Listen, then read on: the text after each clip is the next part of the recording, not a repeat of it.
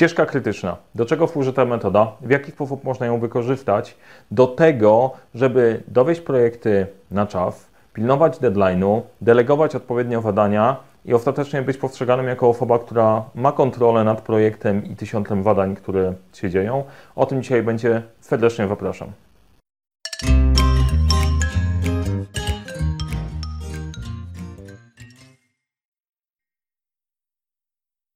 Cześć, nazywam się Mariusz Kapufta. Uczę, jak rozpoczynać i kończyć z sukcesem projekty w świecie, w którym brakuje czasu, brakuje zasobów, a to nigdy nie brakuje problemów. Dzisiaj będziemy się kręcić wokół tematu zarządzania czasem w projekcie, a konkretnie wokół metody ścieżki krytycznej w diagramie sieciowym.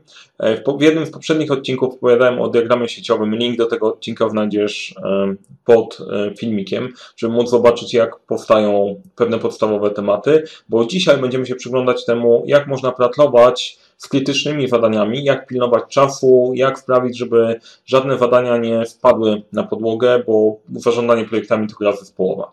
Zanim opowiem o ścieżce krytycznej, jeżeli podoba Ci się ten temat e, zarządzania projektami, zasubskrybuj proszę ten kanał. Możesz kliknąć dzwoneczek, żeby niczego nie przegapić. Jeżeli podoba Ci się ten filmik, daj like. Jeżeli podoba Ci się e, ten konkretny film, chcesz napisać w komentarzu, zadać jakieś pytania, to zrób to, po to właśnie komentarze są. I wracamy do zarządzania projektami i do ścieżki krytycznej. Ścieżka krytyczna to najdłuższy ciąg zadań w projekcie pod względem czasu, pokazujący najkrótszy możliwy czas ukończenia projektu. Tak, jak posłuchasz to jeszcze raz wolno, to się okaże, hej, ale to najkrótszy, najdłuższy, najlepiej pokażę to na przykładzie i wszystko zaraz stanie się jasne. Przykład wziąłem z mojej książki Zarządzanie projektami krok po kroku. E, Plat zabaw popatrzymy sobie na plat zabaw, jak się tworzy plat zabaw jako taki ogólny e, projekt, dlatego że w miarę łatwo każdy sobie wyobrazi, jak plat zabaw wygląda, co tam mniej więcej mogłoby się wadziać i skupimy się wtedy na samej metodzie, jak liczymy ścieżkę krytyczną, w jaki sposób w niej korzystać. E, przykład projektu no, widać tutaj. Co musi się wadziać, żeby nasz projekt zafunkcjonował? Musimy wytyczyć plat zabaw, określić długość płotu wokół niego, bo wiadomo, że tam może wbiec jakieś rzeczy w wieże i wieść dzieci, które się tam bawią. Liczymy, ile słupków nam jest potrzebne do rozpięcia siatki, liczymy, ile metrów bieżących siatki jest potrzebne, określamy, gdzie do tego, na ten plat zabaw można wejść. Najlepiej, żeby to było w miarę wygodne, nie tak jak na niektórych. Zamawiamy materiały, dostarczane są te materiały, montujemy. Na koniec sobie E, rezerwujemy rezerwę projektową 4 e, dni na nieprzewidziane, nieprzewidziane, bo jedna z konkretnych rzeczy, która w projekcie się na pewno zadzieje, to jakiś fuck up na koniec projektu. Nie wiemy, co to będzie, ale wiemy, że to na pewno będzie. E, rezerwy projektowe to już trochę inny temat, natomiast przykład miał być odwzorowaniem tego, co w książce, więc w książce dokładnie tak jest, tym się poruszamy. Mamy określone, ile czasu trwają poszczególne zadania. E, I dodatkowo mamy określone też, w jaki sposób one od siebie zależą. Na podstawie tego e, w miarę sensowne, sensowne oprogramowanie nam liczy, pokazuje diagram sieciowy, a na czerwono zaznacza te zadania, które są na ścieżce krytycznej. E, te zadania na ścieżce krytycznej to tak zwane zadania krytyczne. Co one oznaczają w praktyce, oprócz tego, że się fajnie nazywają i, i budzą grozę? E, jak masz tutaj coś na czerwono, jest na ścieżce krytycznej, oznacza, że te zadania mają zerową rezerwę czasu. Jakiekolwiek opóźnienie na którymkolwiek z zadań na ścieżce krytycznej oznacza automatycznie opóźnienie całego projektu.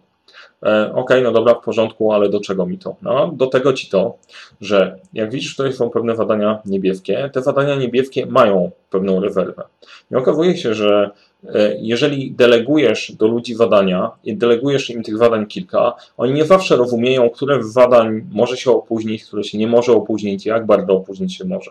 Jeżeli im powiesz, OK, to jest zadanie krytyczne, tutaj jakiekolwiek opóźnienie kosztuje nas automatycznie opóźnienie projektu, e, ludzie w większości wypadków to rozumieją. Jeżeli powiesz, słuchaj, to jest zadanie, też jest dla mnie ważne, a jak tu opóźnisz się o dzień, dwa, nic się nie, nie stanie, ludzie też to rozumieją i też w pewien sposób zaczynają szanować Twoje podejście, bo to też kwestia konsekwencji, jak pracujemy z ludźmi. Zlecamy ileś zadań i za niektóre robimy OPR, a za niektóre nie. Jeżeli jesteś w stanie policzyć swoją ścieżkę krytyczną i wiesz, które zadania są istotniejsze, które nieistotne, to też wychodzisz na sensowne, sens, osobę, z którą warto pracować, bo jest sensowniejsza.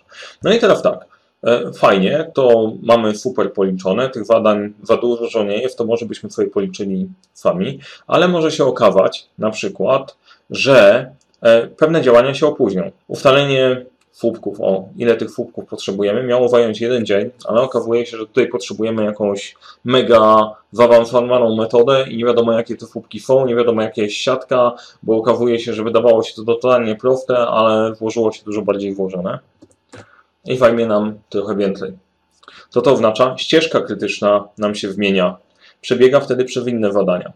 E, ok, kurczę, no to w takim razie potrzebujemy się skupić na trochę innych zadaniach. To, co jest ważne, e, to, że jeżeli znasz ścieżkę krytyczną, to możesz szukać różnych sposobów na skrócenie czasu projektu, a nie będziesz ich szukał w zadaniach, które są niekrytyczne, bo te tak na dobrą sprawę mogą się przesuwać jakkolwiek, no, do pewnego momentu, bo po pewnym momencie staną się, staną się też zadaniami krytycznymi. E, możesz szukać sposobów na, na wkraczanie czasu projektu, szukając tych czerwonych zadań. No dobra, ustalenie liczby słupków wspierających, to może dorzućmy tam dodatkowo dwie osoby, które się znają, uda nam się skrócić to do pięciu. Super. Widzimy, że nadal projekt trwa dosyć długo, no to które z zadań możemy skrócić? Spójrzmy na na to, które to jest zadanie, dostarczenie materiału, 5 dni. No to spróbujmy podpisać umowę z kimś, kto jest szybszy i skuteczniejszy. Może uda nam się skrócić to do 3 dni. Okay? Teraz, jeżeli szukamy jakichś e, skróceń, znowu patrzymy na zadania, które zajmują nam najwięcej czasu i staramy się tym sposobem jak najbardziej zacieśnić nasz projekt. Tylko warto o tym pamiętać, że podnosimy wtedy ryzyko całego przedsięwzięcia. Tutaj w przypadku projektu, który ma 9 zadań, e, to sprawa jest stosunkowo prosta, ale jak wyobrazisz sobie projekt, który ma tych zadań 200, to zorientowanie się, którędy ta ścieżka krytyczna przebiega, od jakich e, zadań zależy, na których warto się skupić, jest dużo trudniejsze. Teraz tak, pod kątem samej ścieżki krytycznej, tak jak z każdą metodą, w świecie zarządzania projektami istnieje bardzo dużo świętej wojny. Niektórzy mówią, że Agile jest świetny, niektórzy, że łańcuch krytyczny, inni z kolei, że ścieżka krytyczna. To, to jest po prostu e, momentami szaleństwo. Natomiast tak, każda metoda jest wymyślona z pewną filozofią i każda ma swoje wady, ma swoje zalety w pewnych konkretnych sytuacjach. W przypadku ścieżki krytycznej to, to jest istotne. Istotne jest, dobre oszacowanie czasu trwania zadań. Jeżeli ktoś się machnie w szacowaniu i zadanie, które miało trwać tutaj jeden dzień, zajmie 3 dni, ścieżka krytyczna może wyglądać inaczej. Będzie bardziej widać tutaj. Jeżeli to zajmie dłużej, ścieżka krytyczna się zmieni. Zależności pomiędzy zadaniami trzeba się ich trzymać. E, to, to, to, to jest interesujące, że jak tych zależności masz dużo, nie jesteś w stanie pamiętać tego z tyłu głowy. Jeżeli opisujesz zależności pomiędzy kilkoma zadaniami, warto dodać notatkę, dlaczego ta zależność występuje, szczególnie jeżeli nie jest taka oczywista. W niektórych sytuacjach, na przykład nie jesteś w stanie wbudować dachu, jeżeli nie masz ścian. I to raczej większość ludzi zaakceptuje. Natomiast w niektórych sytuacjach te zależności pomiędzy zadaniami są zadaniami, zależnościami wynikającymi z dobrej praktyki.